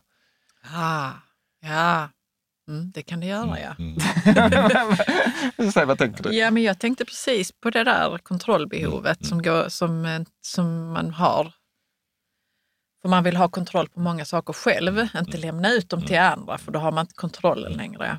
Mm. Mm. Så Men går det- det i konflikt. Ja, med- Precis. Och det som är så fint som händer är att när jag minskar kontrollbehovet, att jag ger processer till andra, då höjs ju överskottet. Ja. Mm. Precis. Nej, men, och det pratar man ju mycket om chef eller ledarskap, att hålla blicken. Men många eh, liksom, chefer och ledare orkar inte hålla blicken på det långsiktiga för att det är så mycket problem här och nu. Så då blir det ju det här liksom, Ja. kortsiktiga, liksom, brist på mentalt överskott. Och man, man och kan inte ta in nya idéer. Till exempel så här, eller så här, ja men det där hade väl varit fantastiskt att göra, men inte nu. Och sen gör någon konkurrent det och så plötsligt så är, är man, är man Out of business, ja. Eller man missar tillfälle där man skulle kunna göra det. Alltså som till exempel, äh, för att ta ett exempel som vi pratade om innan där med AI, det här med ChatGPT. Jag upplever så här, väldigt många har för lite mentalt överskott för att ta till sig någon, liksom ett helt nytt verktyg, ett helt nytt sätt att jobba. För jag är så här, jag, jag orkar inte, jag hinner inte eh, eh, Mm. på, det, på det sättet. Och kombinationen mellan de här två, alltså just Folges just nu, hur det kombineras med mentalt överskott, blir ju att när jag kan se att under den här, i den här situationen, så vid det här tillfället, så är Folges just nu att jag fattar fel beslut. Mm. Eller att jag missar någonting. Så då kan jag ju se en, en, en sekvens där jag kan identifiera, här någonstans kommer jag behöva ha högt överskott igen. Mm. Och då anpassa en lösning som möjliggör det. Bra, vi kommer kicka igång det här, men jag kommer ta ett steg tillbaka. Mm. Så fort vi har börjat lösa den här krisen eller vad det nu är, så kommer jag ta ett steg tillbaka. För nu behöver jag fatta nästa beslut. Oavsett om krisen är företaget har varit med om X, Y, Z eller om det är ett barnkalas där, okej, när vi lämnar Leos lekland, då måste jag ha med mig alla barnen. där behöver jag ha överskott. Mm. Så att redan där få med i sina förberedelser, att hur får jag högt överskott i den här situationen? Då kan jag kombinera Forges just nu med mentalt överskott Ja. för att öka chansen att lyckas. Så det känns som mentalt överskott, det är typ nästan eh, viktigare än farligast just nu. Det är som att jag bättre kan förstå vad som är farligast just nu när jag har mentalt överskott. Exakt, exakt. För det blir ju att för att kunna göra den bedömningen, vad är farligast just nu, så behöver jag högt överskott. Eller Ja. jag vill ha högt Sen kan jag inte alltid få det. Men Nej. det kan också vara i motsatt syn, att just nu kan skapa överskott genom att folk just nu bryter ner den här stora, stora situationen vi är i. Mm. Som känns lite övermänsklig. Jag kan inte riktigt hantera allt det här. Men jag kan identifiera att den här lilla tårtbiten, det är den som är farligast just nu. Ja, den lilla precis. Ja. Då det kan man kan få jag ju lösa. mentalt överskott. Ja, Då känns det- inte lika Mm. övermäktigt längre. Och då kan jag helt plötsligt få tillgång till de här funktionerna jag behöver igen liksom, och fatta Mm. de besluten jag behöver. Så de är ju liksom sammanflätade på det sättet, att Ja. fördela resurser där mitt mentala överskott är en resurs. Jag, jag tänker ju så här, Karo, du frågade här, här på vår paus, här, hur många sådana här principer? Hur många principer har vi? Ja, och så sa jag så här, 60. vi, vi ska inte gå igenom eh, 60, men, men nu vi har pratat om mentalt överskott, farligast just nu. Om vi skulle titta på dem som två ingredienser, Mm. vilken är den, om du skulle få lägga till en ingrediens till, som gör liksom att detta blir en bra maträtt, vilken, vilken princip skulle det vara då? Problemet för lösningen. Jag gissade, jag gissade att du skulle... Problemet före lösningen. Ja, Mm. Mm, säg, säg någonting. Du får återigen, ge en intro. Varför är det viktigt? precis. Oavsett om det är att vi ska eh, slå in en spik eller skruva in en hammare så behöver jag förstå liksom vad är problemet innan jag väljer verktyget. Eh, har vi något tillfälle tagit exempel med en plocklåda där med att förstå vilket hål det är jag ska stoppa in klossen i innan jag väljer kloss. Ofta upplever jag att många, när vi inte håller med varandra eller när det kan bli en konflikt, är för att vi ser på problemet på olika sätt eller för att vi faktiskt försöker lösa olika problem. Men om vi är överens om exakt om vilket problem är det vi ska lösa, det här är en spik, den ska spikas in, så är chansen mycket högre att vi kommer välja samma lösning. Det vill säga att det finns möjlighet för en anpassning utan kommunikation. Mhm. Mm. Precis, ja. Och när jag ska välja då lösning så är ju, jag kan ha jätte, och det här tror jag är en av de grejerna som jag, jag önskar att jag var kanske bättre på att beskriva, att en lösning som är bra är nödvändigtvis inte rätt. Och ibland kan en sämre lösning vara mer rätt än en bra lösning. Så här, för vi, Mm, behöver, vi mm, behöver mm, konkretisera mm, det där. För jag, vet, för, jag, för, för jag vet att det där brukar du tjata på oss i forumet. Eh, och, och många tycker så här, kan han inte bara lägga ner? Det är ju skitjobbigt. Mm. Men, men om, vi, om vi säger så här, in, inom sparande, indexfond, Ja. fantastisk metod. Mm, Eller hur? mm. Det, det är ju som en hammare. Mm. Problemet är så här, du vet när folk kommer in och säger så här, jag vill spara. Mm. Och så är jag, och innan jag träffade dig så var jag alltid så här, indexfond. Problemet är så här, indexfond är jävligt dåligt om du ska köpa hus om två veckor. Mm. Eller indexfond är väldigt dåligt om du behöver trygghet för att du har inte en buffert. Mm. Så att om jag inte har ställt en fråga till personen innan, så här, vad är Mm. målet Mm. med ditt sparande? Mm, mm. Och jag kastar upp Länsförsäkringar Global eller Lysa eller whatever, så kan jag ge liksom fel, fel lösning. Mm, Även om Lysa i sig är en fantastisk, eh, fantastisk grej, Mm. men den löser bara en viss specifik mängd Mm. problem. Mm. Är det Exakt. rätt beskrivet? Eh, Exakt, det vill säga att det, upplever, eller det problem som jag upplever ofta i forumet när det blir en diskussion Mm. är att en person vill lösa ett problem och en annan person vill lösa ett annat problem. Men man diskuterar inte problemet man vill lösa utan man går direkt på, på lösningen istället. Precis. Den Den, ena pratar räntefonder, den andra pratar aktiefonder. Eh, exakt. Men jag kan tänka mig i företag så kan det nog vara så att det blir väldigt spridda eh, efforts, liksom, Mm, vad heter det? Ehm, alltså att man, lös, man eh, är inte överens om problemet som ska lösas, att man ska sälja mer till mm, exempel mm, av en viss dammsugare. Mm. Så då blir det så att man håller på med andra grejer som att man kollar om det finns dammsugarfilter i Mm. förrådet och, och sånt där. Så att man gör inte, det blir inte en samlad eh, kraft Mm, mot att lösa det problemet som är, utan det blir bara lite spridda skurar. Eller, Eh, Exakt, för det finns ju en det är tve- ganska vanligt. Precis, och det finns ju en tvetydighet i allting. I indexfonder Mm. det finns ju en ofantlig tvetydighet att det är jättebra, givet de målen som, som du beskriver. Men det är också en katastrofalt dålig lösning för den som söker spänning. Ja, eller vill lära sig Precis. mer. Ja, ja. Mm. Så att, att se det som det finns ingenting som är bra eller dåligt i ett vakuum, utan det är alltid i relation till någonting. Och vad vill du uppnå? Vad vill du ha för någonting? Att vara jäkligt snabb att hämta på dagis, det är ju jättebra om ditt ändamål är att komma hem, men om du vill komma hem med en unge som också är glad, då kanske det behöver vara lite mer inkännande till exempel.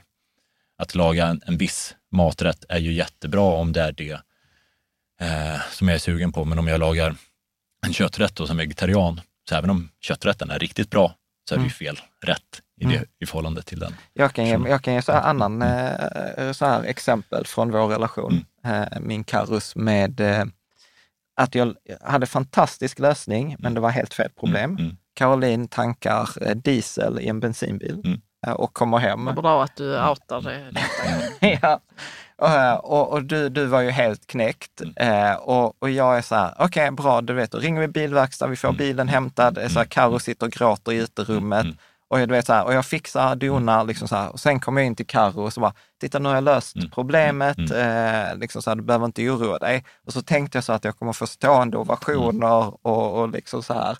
Och du var ju fortfarande liksom jätteledsen för att du hade, för det var inte ens vår bil. Mm, mm. Nej. Och, och, och, och då insåg jag ju så här, okej, jag löste, det var ett problem, Mm, mm. det behövde lösas, Mm. men du behöver ju emotionell, liksom det, lösa det emotionella problemet mm, innan vi löser det praktiska problemet.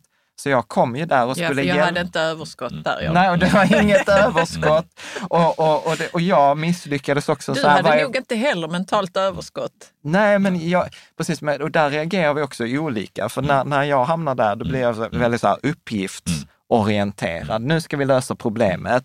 Och så tänker jag så här, ja, men det emotionella kladdet kan vi ta sen. Mm. Nu överdriver jag liksom med, med det där. Så att det är så lätt att även en god intention, för, för att jag ville ju hjälpa dig i det där. Var det du, Carro, sitter här med spända läppar?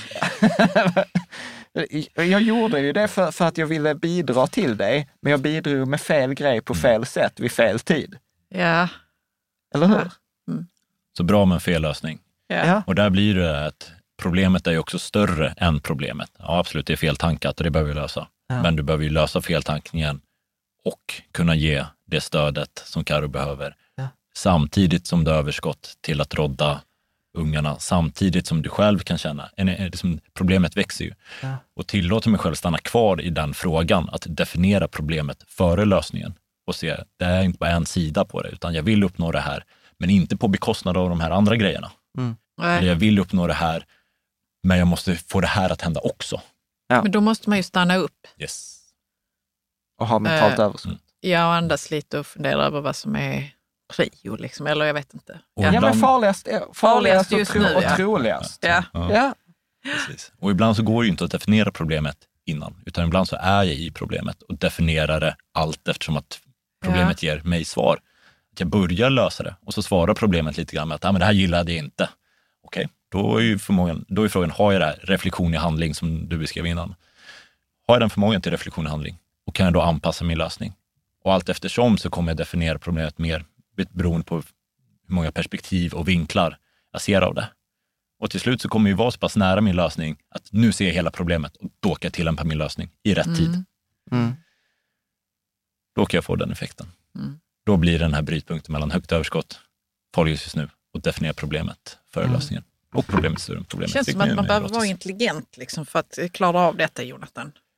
Det, det som är så Alltså att intressant man måste- att det är en jättevanlig feedback. Så bara, ja, jag förstår vad du säger, men eh, det funkar inte på vår arbetsplats för folk är puckade. ja. Så. Och- Folk är puckade. Det är bara jag som kan, det bara jag som kan Ja, säga det ja, så som du ja. beskriver det. Och det är liksom en jätteintressant, vad intressant, så här, då, då har ni testat den då? Nej, men alltså vi är liksom någonting. Men det, jag har liksom aldrig varit på en plats där det inte har gått att tillämpa i någon utsträckning. Sen finns begränsningar, absolut. Det största är, liksom, är, är mottagaren helt omotiverad att ens försöka? Ja, då är det klart att då är det ju svårt. Men annars upplever jag alla dagar i veckan att den begränsande faktorn, det är ju instruktören.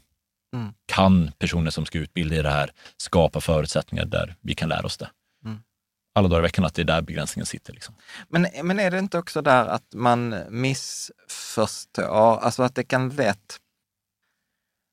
Så här, jag upplever att de här verktygen blir ju mer värdefulla ju mer stressad eller ju, ju mindre mentalt överskott jag har. Alltså förstår du att de ökar i Mm. värde? För att så här, om, om, jag är, om det är sommar, Mm. jag är ledig, vi, så här, du vet, jag ska hämta på förskolan för vi ska åka till stranden sen. mm. Då gör det inte så himla mycket om, om hämtningen tar fem minuter eller 20 minuter eller så här, för att jag har strukturellt. Medan det är ju när det är så här, vi behöver hämta och sen har den, den andra ungen har liksom antagningsträning till idrottsgrundskolan som absolut inte får vara sen och sen där ovanpå så ska vi förbi Bauhaus för att vi ska hämta lövavskiljare för att imorgon kommer snickaren. Du vet så här, där någonstans, du vet så här, när, när, när, glaset börjar bli tomt, eh, tomt, eh, fullt, Mm. där blir det ju värdefullt att stanna upp och börja tänka. Mm. Tänk, Oftast tänker jag då, när jag Mm. stannar upp, vi behöver inte göra allt idag. Ja, och då, ja, men och för det är ju... jag, en- jag pallar inte med det. Ja, a- a- Ta bara barnen, Mm. så kan vi, vi kan fixa det andra Ja, sen. Precis, och det är det jag menar också. Så att, så att när du säger så här, du vet, eh, ja, men folk på vår arbetsplats, pucka. Nej, folk på vår arbetsplats gör detta idag, men vi gör det omedvetet. Och det är det som jag tror att egentligen de här verktygen, eller så här, att lyfta upp det till att göra det medvetet. Ja. Att låt oss, Ja. låt oss göra någonting mm, som vi redan gör, fast omedvetet medvetet. Alltså det som Mm. jag säger till exempel, att eh, folk, när, när jag pratar om hävstång, till exempel investeringar, så kan ju folk vid första reaktion tycka så här, hävstång, investering, shit, det är jättefarligt. Alltså så här, ska jag låna pengar och investera? Och sen så säger jag så här, ja men har du köpt en bostadsrätt? Mm. Okej, titta här när vi pratar med aktier så kanske vi pratar 10-20 procents belåning på ditt belopp. Mm. Medan, titta du har ju redan lånat åtta gånger pengarna, alltså inte 10-20, 800 procent när du köpte ditt boende. Men det gjorde du för att alla andra gjorde det och du gjorde det omedvetet. Låt oss istället bara använda samma verktyg men göra det medvetet, göra det på ett ansvarigt sätt. Mm. Karo, du ser skeptisk ut. Nej, nej, jag lyssnar. Okej. Mm. Ja. Men, men jag tror att det stora värdet kommer ju, jag tror att det är lite det du är ute efter, där med att är världen helt linjär och jag alltid har mer resurser än vad jag har problem, då känner man inte ett lika stort värde av det. Men så fort man hamnar i situationen där att mina resurser räcker inte till, Mm. eller att jag har inte förmågan att hantera allt som jag behöver hantera, eller det förändras för snabbt, det är okända förutsättningar.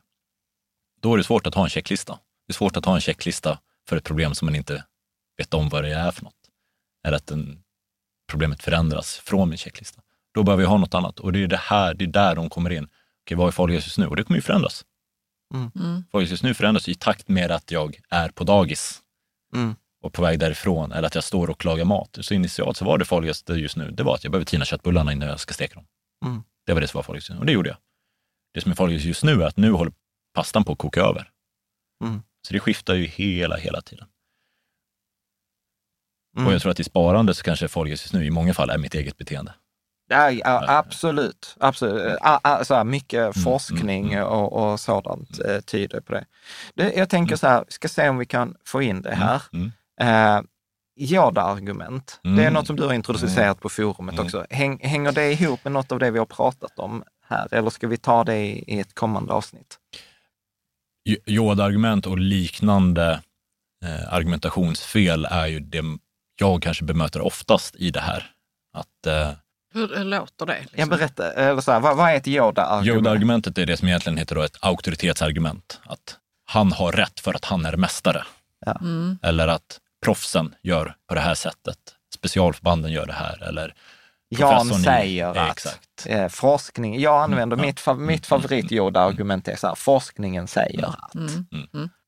Men att personen har en auktoritet. Alltså, kungen sa att, och han är kung. Liksom. Ja. Han är, eller chefen säger att. Det i sig ger ju inte den personen rätt. Ja.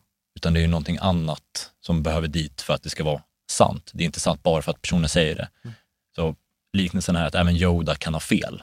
Mm. Bara för att personen är proffs inom ett område betyder inte att den alltid har, det om, att den alltid har rätt i det området och ännu mindre att den har rätt i ett annat område. Lite det här med Nobelpristagare. Som man frågar om så här, du fick Nobelpriset i kemi, vad tycker du om eh, krisen i Israel-Palestina? Ja.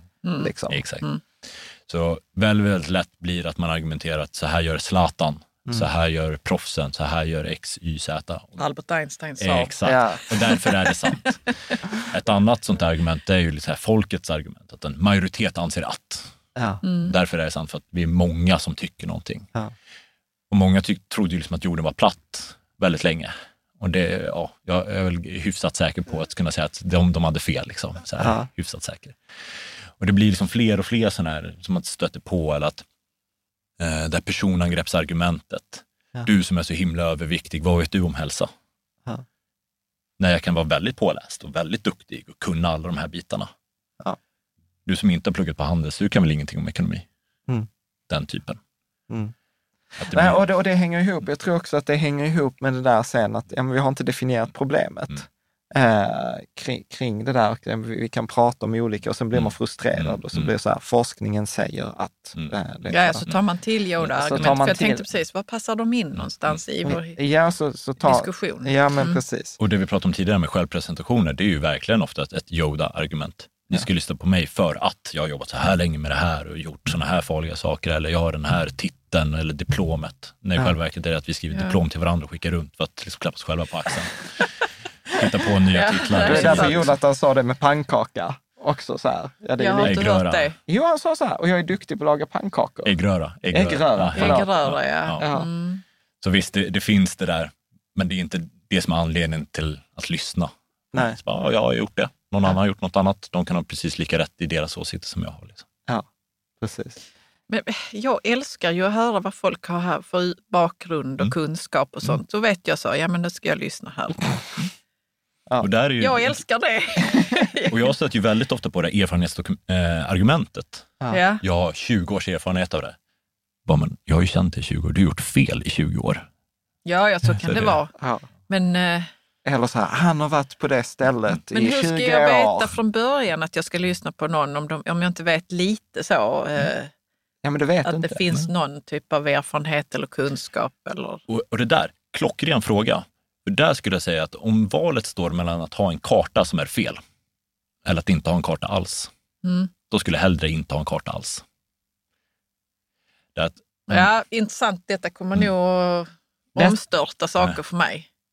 alltså, Det betyder att jag måste ta egna, ha egna, ta, eh, vad heter det, egna, jag måste ta in information Mm. från, från dig intuitivt Mm. och ta egna beslut kring om jag ska lyssna eller inte istället för att bara acceptera, men Jonathan har 20 års erfarenhet och bla bla bla, ja, då ska jag lyssna. Mm. Mm. Ja, Okej, jag måste ju rita min egen karta. ja. Och det är den skillen, nu när jag är inne på det, för jag tycker det är en jättehäftig liknelse, just med att ha fel karta eller ingen karta. Och Ja. det du beskriver här, förmågan att kunna skapa tillfälliga kartor när vi behöver dem. Utifrån Mm. liksom, hur ser den här situationen ut? Men jag tror att den ser ut ungefär så här, okej men då, då bör vi gå i den här riktningen. Den förmågan, utveckla den förmågan oavsett om det är liksom i parrelationer, eller om det är på företagen, eller om det är i min egen ekonomi. Liksom, hur ritar jag kartan över min situation just nu? Istället för att jag får en karta så här, här kör det här. Ja, Den här alltså kommer jag inte alltid har vara rätt. accepterat kartor som kanske är fel. Men hur ritar man sin egen karta då? Mm. Vad, vad Eh, behöver man för att Exakt, jättespännande. Och det är ju det som blir liksom pudens kärna lite grann, så hur du utvecklar förmågan att rita en egen karta. De här principerna är ju syftade till att hjälpa med att rita min egen karta. Vad är farligast just nu? Mm. Vad är riktningen vi ska gå någonstans? Och när jag går dit, vad blir nästa steg? Så det är ju hela tiden att jag ritar en liten, liten del. Jag har mina vita fält som man pratar om inom kartografi. Liksom, här har jag inte informationen. Och första steget skulle jag nästan tro att när jag har massa vita fält, vilket kanske är standard, oftast har jag mer vita fält än inte, Mm.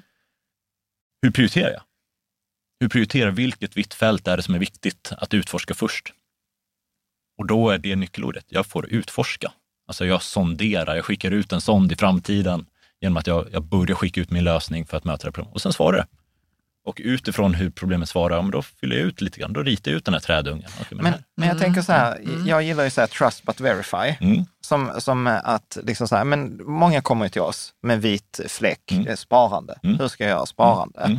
Och där, brukar vi, där tänker jag ju så här, ja men titta här, så här har vi ritat den vita fläcken. Mm. Och så tänker jag så här, men du vet, utforska själv Mm. om det passar dig. Och, Mm. och, Och det roligaste var ju liksom det där mejlet som jag fick av någon som var arg på mig. Som var så, du är en idiot och så här, och inget av det du har pratat om har du kommit på själv, utan allt kan man läsa om i andra böcker.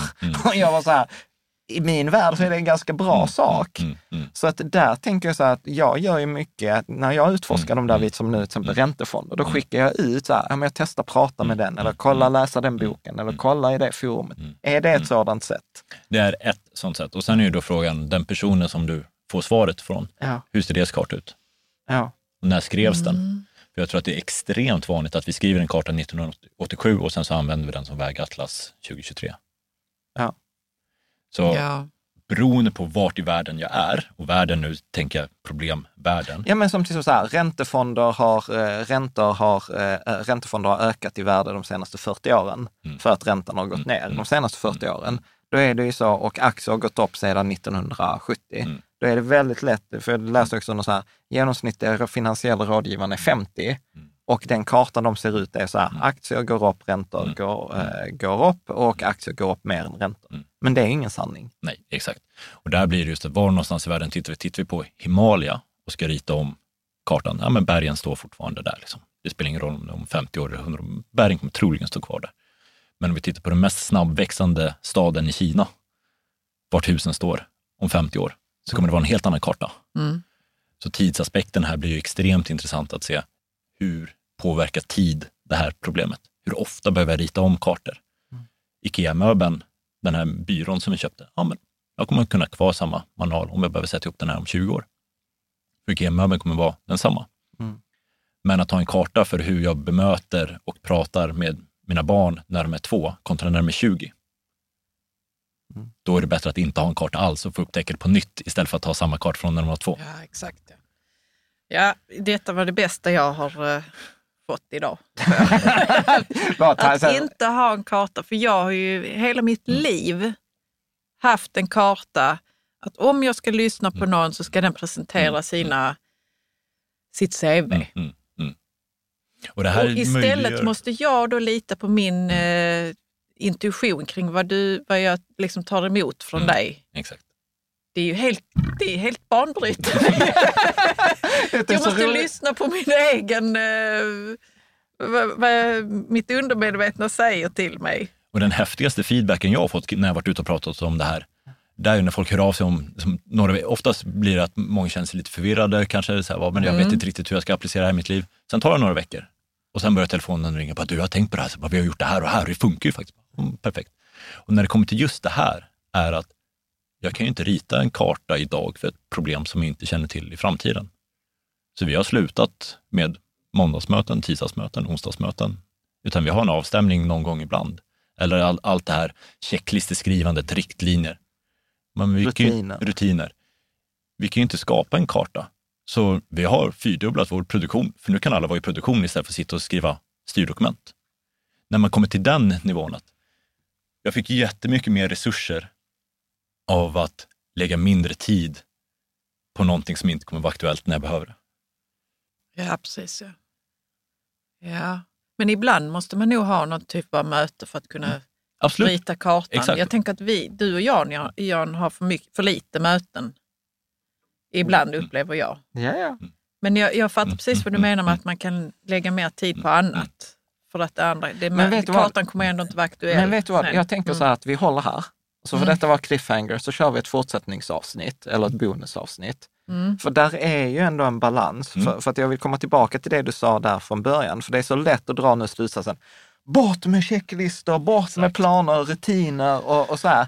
Medan där är vissa grejer som till exempel inom sjukvården. Mm. Det är så här, du vet, när vi gjorde den här checklistan eller så här, Mm. piloter som gör, följer en checklista så här, så har man minskat eh, ja, olycksfrekvensen. ja. I Så- vissa fall behövs det absolut. och, och jag tror Mm. att förmågan här är att veta när använder jag vilken metod och vilken Exakt. princip. Hur, hur, är, hur ser förutsättningarna liksom ut?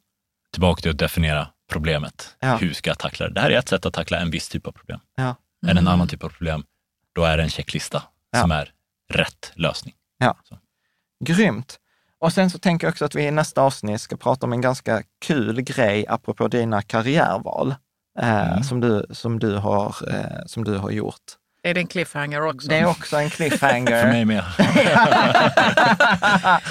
Precis. Ja, alltså, ja. Vad, vad roligt eh, Jonathan att uh, få ha dig här Mm. i podden. Ja, Kul att vara ja, men exakt. Stort tack Jonathan. Eh, och jag tänker, där kommer bonusavsnitt med Jonathan, så att det är bara att hänga, hänga kvar. Vill man, eh, hur tar man kontakt med dig enklast? Mm, JonathanSolsberg.com. Ja, eh, så där kan man kolla, både prata om man med företag Mm. eller liksom styrelse eller bara liksom eh, ja, men jobba egentligen själv också. Mm, För att, eh, och framförallt egenföretag där man kan få väldigt stor utväxling eh, på, på det här. Så ett stort tack Jonathan. Tack. tack till dig som har lyssnat och tittat och så ses vi i nästa avsnitt.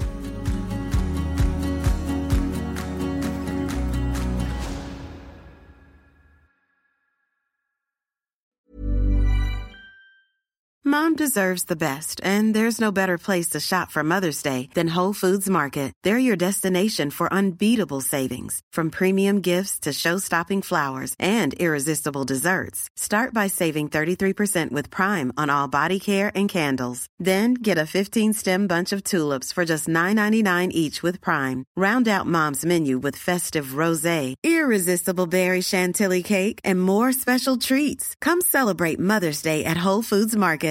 Hi, I'm Daniel, founder of Pretty Litter. Cats and cat owners deserve better than any old fashioned litter. That's why I teamed up with scientists and veterinarians to create Pretty Litter. Its innovative crystal formula has superior odor control and weighs up to 80% less than clay litter. Pretty Litter even monitors health by changing colors to help detect early signs of potential illness. It's the world's smartest kitty litter. Go to prettylitter.com and use code ACAST for 20% off your first order and a free cat toy. Terms and conditions apply. See site for details. Mom deserves the best, and there's no better place to shop for Mother's Day than Whole Foods Market. They're your destination for unbeatable savings, from premium gifts to show-stopping flowers and irresistible desserts. Start by saving 33% with Prime on all body care and candles. Then get a 15-stem bunch of tulips for just $9.99 each with Prime. Round out Mom's menu with festive rosé, irresistible berry chantilly cake, and more special treats. Come celebrate Mother's Day at Whole Foods Market.